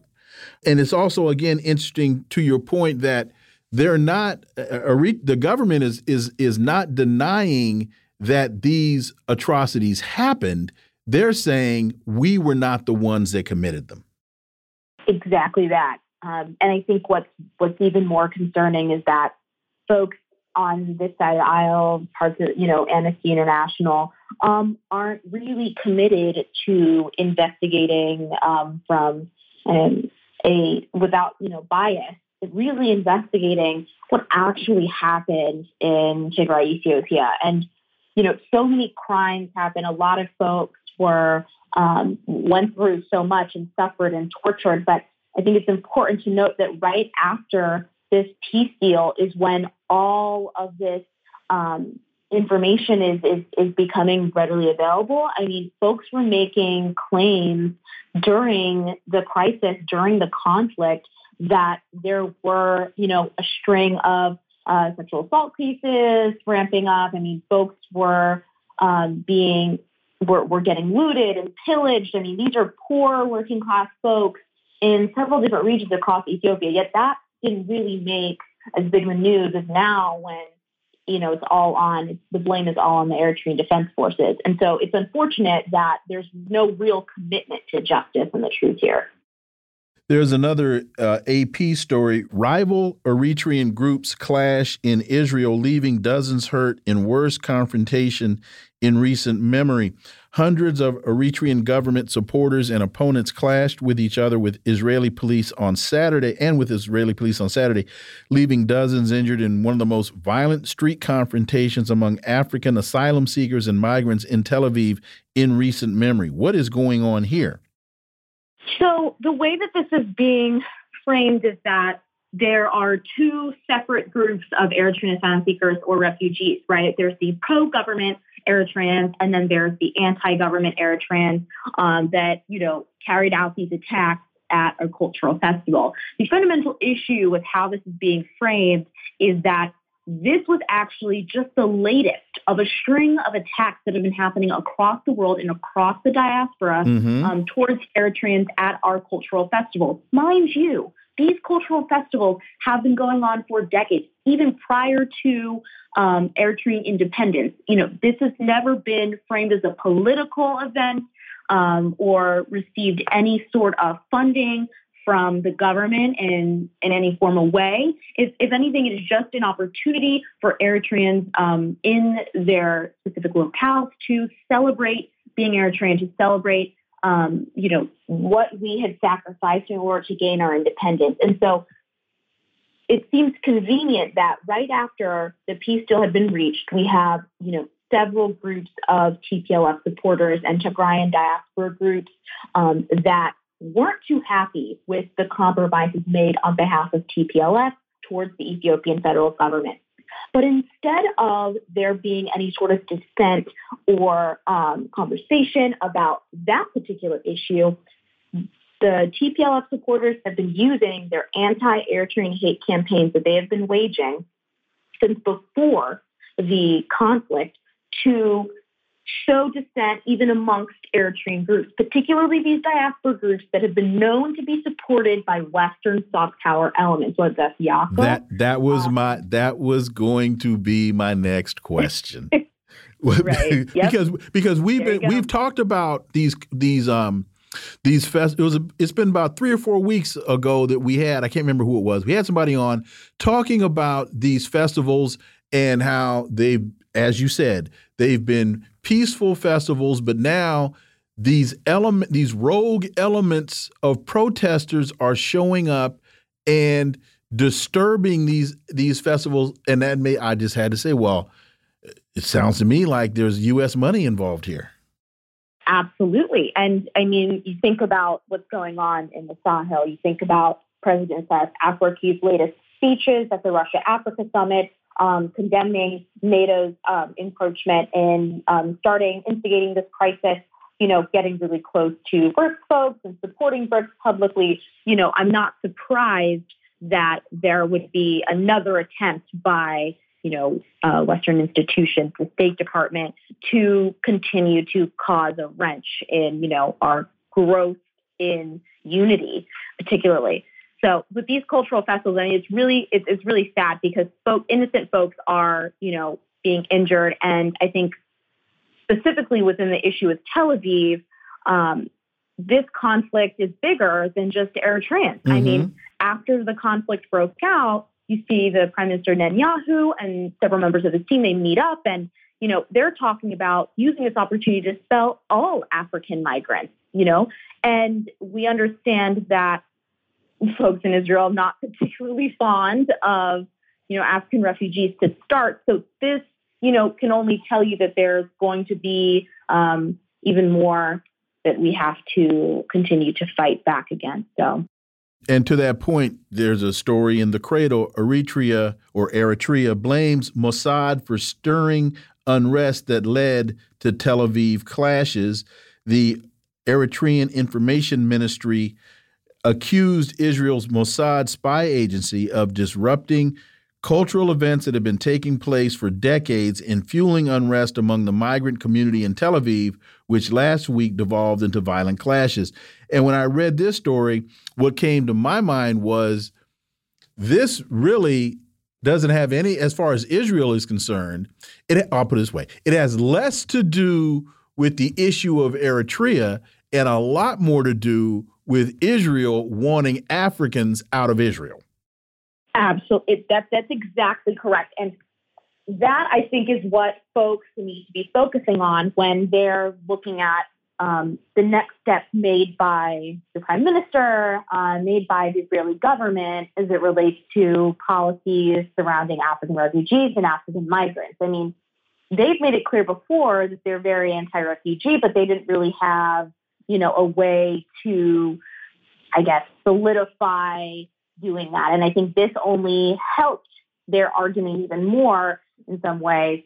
So the claim that, you know, Mossad was uh, part of the reason why these cultural events were dis- disrupted um, are completely valid. I mean, think about how support um, folks a part of the cultural festival knew that these attacks had been happening because earlier um, this month, you know, we saw attacks in Edmonton, Canada. We saw attacks in Seattle, Washington. I mean, uh, Sweden as well. And so, of course, folks, may, you know, uh, organizing these cultural festivals had to be made aware of the security threats happening. So they had gone to um, the police, Israeli police. They had they had told them prior to this this cultural festival that there, you know, potentially was going to be attacks. That you know they needed the security support. And and what happened? Somehow, these folks had were given access to allow these violent clashes to happen. You would think that you make these um, uh, you reach out to the police beforehand, you know, things would be under control. But clearly that was not the case. So this kind of stirred up questions around why did this clash actually happen outside of just this, you know, petty back and forth between these two groups. Well, and uh, again, understanding the initial statement as it relates to what's happening in Israel and that this is really more Africans out of Israel than it has to specifically do with Eritrea what's the ultimate end game here in terms of disrupting these festivals around the world if Western interests are the ones that are sowing these seeds of dissent? We have just we have a minute left. What's the end game? Why are they doing this? The end game is is destabilization and regime change, uh, particularly in Eritrea, but to continue to maintain their dominance and influence in the Horn of Africa. We see the French are potentially losing their grip um, on the other side of the continent. You know, they've got to continue to maintain their attacks that they have been, you know, campaigning towards Eritrea for decades now. They're going to keep doing it. And I think we have to understand that we need to make these connections now uh, and, and, remain um, rooted in the fact that Eritreans are continuing to fight and, and keep their independence, but you know we have these Western elements, whether it's Amnesty International or these rogue groups that are being funded or supported by mm-hmm. these Western institutions, that they are trying to destabilize the Horn of Africa. They're trying to, um, you know, continue further neocolonialism. Yolian Ogbu, as always, thank you so much for your time. Greatly, greatly appreciate that analysis, and we look forward to having you back. Great. Thank you so much. Folks, you're listening to the Critical Hour on Radio Sputnik. I'm Wilmer Leon. There's more on the other side. Stay tuned.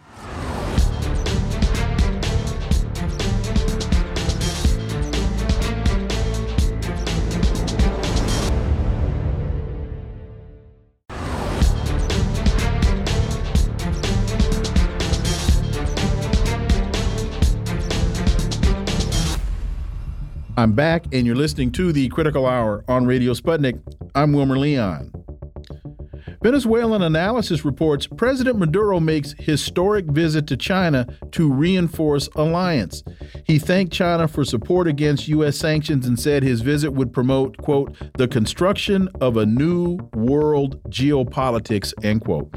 For insight into this, let's turn to uh, my next guest. He's a political analyst and editor at Venezuelan Analysis, Ricardo Vaz. As always, Ricardo, welcome back. Hi, Wilmer. As always, thanks for having me. So, uh, Venezuelan President Maduro arrived in China on Friday for a several day visit to strengthen economic and political ties amidst the nation's efforts to advance multipolarity. Quote, we are ready for what will be a historic visit for the strengthening of cooperation ties and the construction of a new world geopolitics, end quote. Maduro wrote on social media. Uh, this is the first stop in his trip uh, that's taking place from the 8th of September through the 14th. Ricardo, we look at, for example, that President Xi did not go uh, to the G20, and there were those who were saying, "Oh, uh, that, that, that he's trying to, you know, demonstrate that that that he's basically going to going to take over." Uh, but no, this is cooperation. You've got President Maduro going to China to thank President Xi. You've got China negotiating with Saudi Arabia and Iran, bringing rapprochement there. This is, as President uh, Maduro says, this is the construction of a new world geopolitics, and it seems to be based on economics and cooperation, not militarism. Yeah, I think that's absolutely correct. And we should recall that this is taking place in the wake of the recent BRICS summit in, in South Africa, where the BRICS group was enlarged with, with six new members. So, in, in the case of Venezuela, uh, this is very significant. It's the first time Maduro has gone to China since 2018. He's in the middle of the visit, he's, he's still there. And there's an expectation. I think it's very likely that he'll meet directly with, with President Xi. And we're all kind of uh, guessing what, what's going to come out of, of this visit. So up until now, he has visited, uh, I think, three or four cities, and he has visited. He's focused a lot on, on, on cooperation, and in certain areas where China is arguably the, the leading power uh, worldwide, you know, in terms of technological development, the application of technology in healthcare, artificial intelligence, and also certain specific areas related to economic development that Venezuela wants, on one hand, to learn from, and on the other, to set up cooperation between uh, Venezuelan companies and their Chinese counterparts. So there's a lot of expectation. And, you know, to circle back to the BRICS, one thing that was very significant was that Maduro visited the, the BRICS Bank, which is housed in, in China, and, he met with the, the bank's president, Dilma Rousseff, you know, former Brazilian president Dilma Rousseff. And Venezuela, it, it's no secret that you know under sanctions the economy has been strangled. Venezuela has been shut out of, of international markets, and so having this possibility of uh, having access to uh, multilateral credit would be a major boost for Venezuela and also increase its leverage against against U.S. sanctions. On that that on one hand, and on the other, ever since uh, the beginning of the Hugo Chavez presidency, there have been these very wide-reaching agreements with China, essentially long-term loans that Venezuela would pay back with oil shipments. And those kind of slowed down because of, of the, the economic crisis and sanctions. Venezuela had a hard time paying back those loans. But now, according to even Bloomberg and, and Reuters, the amount of debt is down to a very manageable level. So there's a real possibility that China is going to extend new credit options for Venezuela. And mind you, these are much more favorable than what you'd get than what developing countries get from the likes of the IMF or the World Bank. Also, a possibility that China is going to ramp up again its uh, involvement in the Venezuelan oil sector after it kind of uh, wound down its activity because it didn't want to be targeted by sanctions. So it, it's all uh, another battlefront in this kind of geopolitical chessboard where the United States is trying to assert its, uh, you know, fading hegemony and China is, uh, you know, emerging with a very different perspective, as you were saying, based on on cooperation and offering, uh, you know, cooperation agreements with different countries on on much more favorable terms. U.S. has tried for a very long time to isolate Venezuela. They have tried to vilify President Maduro. He's an authoritarian. Uh, he won uh, uh, bogus elections, and the United States, as we all know, you know, seized the Venezuelan embassy in the United States, and they they they stole Venezuela's uh, money, and, and all of these kinds of things. And out of all of this, what we have been seeing over the last couple of years is President Maduro as a statesman. We've been seeing President Maduro as a diplomat. We've been seeing President Maduro as a very, very adept politician. Not everybody in Venezuela loves him. Not everybody in Venezuela likes him. And, and the guy isn't perfect. But we see him emerging on the world stage as a statesman. Absolutely. And, you know, every time Maduro goes on these trips abroad, it kind of feels like a, a victory lap, you know, because here you had not not not that long ago. I mean, we're talking two or three years ago. These U.S. officials pretending that the U.S. president was this other random person that no one had ever had ever voted for, and trying to isolate Maduro and and you know coerce the armed forces into staging a coup. And look where we are now. You know, Maduro is going to multilateral meetings. You know, for example, this summit of presidents in Brasilia. He's going to China. Last year, he also had a very extensive tour in in the Middle East. He went to, to COP27 in, in Egypt. So it, it, it just completely, you know, step by step destroyed this farce that the US tried to, to impose that somehow it was going to replace the government with this, this uh, you know, U, US puppet Juan Guaido. And, and you know, in the beginning you were mentioning all the things, you know, trying to isolate Venezuela, you know, this uh, baseless fraud accusations. The U.S. went as far as, as putting a bounty on on Maduro's head, you know, fifteen million dollars for uh, narco terrorism, you know, all the all the things they they can come up with. So the reality now is that Venezuela is in a much stronger position. The Biden administration is clearly trying to reorient itself, you know, seeing if it can somehow gain an advantage from having more Venezuelan oil in the in the global market to kind of offset these these cuts that Saudi Arabia and, and Russia are proposing. But it wants to do that, you know, always via blackmail and, and threats. Uh, when, when, in fact the the recent history shows that it's actually a different path of recognizing this kind of emerging multipolarity and, and cooperation that's going to be the way forward. So just just recently there were these reports that uh, Venezuela was talking directly to the U.S.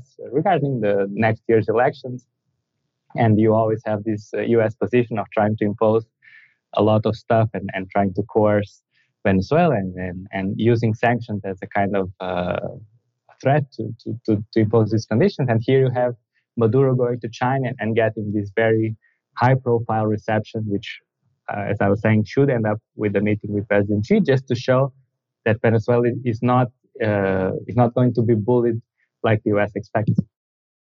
Venezuelan analysis has another piece. Uh, opposition begins primary race as far right threatens military rebellion. The race to select the opposition's candidate in the upcoming presidential elections in Venezuela officially began uh, last week amid threats. I'm sorry, uh, last month, uh, amid threats of a military rebellion by a close ally of far right primary candidate Maria uh, Corina Machado where are we? This this was a couple of weeks ago, but I, I, wanted I thought it was important as we now looking at President Maduro in China that there is still uh, resistance on the home front. Yeah, absolutely, and it's this uh, you know far right fascist elements that are still around, and you know the opposition is, is doing this primary that it's going to be you know however you look at it, it's going to be a disaster because they don't have the logistics, they don't have the infrastructure, they rejected the option of actually doing it with the, the national electoral authorities, which have all this infrastructure ready for these kinds of processes. So they're going to do it by themselves, and, and it's going to end up, if it does go forward, which is still up in the air, I mean, it's supposed to take place a little over, over a month from now. If it does take place, it's going to be charged with accusations of fraud and, and, and, and other stuff. So the person who is leading the, the opinion polls right now, you know, and we have to take those with a grain of salt, is this far right leader Maria Corina Machado, who once won some kind of freedom medal from George W. Bush. She's always been at the forefront of the unconstitutional efforts to get rid of the Bolivarian Revolution, dating back to the early 2000s. So now that she's leading the polls, some of her allies are saying that if she wins, because she's barred from holding office, and, and, and rightly so, she's going to you know go back to, to this kind of violent street protests and try and see if the military is going to come up on her side. I think they're bluffing. I don't think they have any real strength on the streets. But their calculation is that if she wins the primary then the, the us is just going to back her and it's going to be like the guaido scenario all mm-hmm. over again where she can just proclaim herself to be the legitimate uh, venezuelan leader and get the us support behind it we uh, just have two minutes left. Maduro approves new Campesino fund, sets food sovereignty target. That, to me, is a very important signal that Venezuela is improving, getting stronger, doing better when one of your targets is food sovereignty. We're going to feed ourselves. Indeed, and, and it's one of these hard lessons that was learned because of the, the US blockade, you know, having one less avenue with which the US empire can strangle you. So at least try and be self-sufficient in terms of your food supply. This has been uh, an important lesson that has been learned in recent years because the agricultural sector was very dependent on, on imports. And the other part that you were mentioning, the support for campesinos or small-scale producers, peasants, it, it does indeed show that the, the government is in a better position. There is a certain economic recovery. And it's going back to try and, and address some of the, the legitimate demands from what is at the heart, the base of Chavismo, you know, the, these uh, rural mm-hmm. strongholds, Chavismo had unquestioned hegemony, that were consistently complaining that it was hard for them to produce because if the conditions just favored mm-hmm. large scale so now Maduro comes back and offer some kind of credit programs, uh, support with fuel. It's still modest, but it's a first step to kind of address this imbalance in the countryside. Ricardo Vaz, as always, thank you so much for your time. Greatly, greatly appreciate that analysis. I look forward to having you back. Thanks for having me. Folks, you've been listening to the Critical Hour here on Radio Sputnik. Thank you for allowing my voice into your space. I hope you were informed and enlightened, and I look forward to talking with you all right here tomorrow on Radio Sputnik. Be safe. Peace and blessings. I'm out.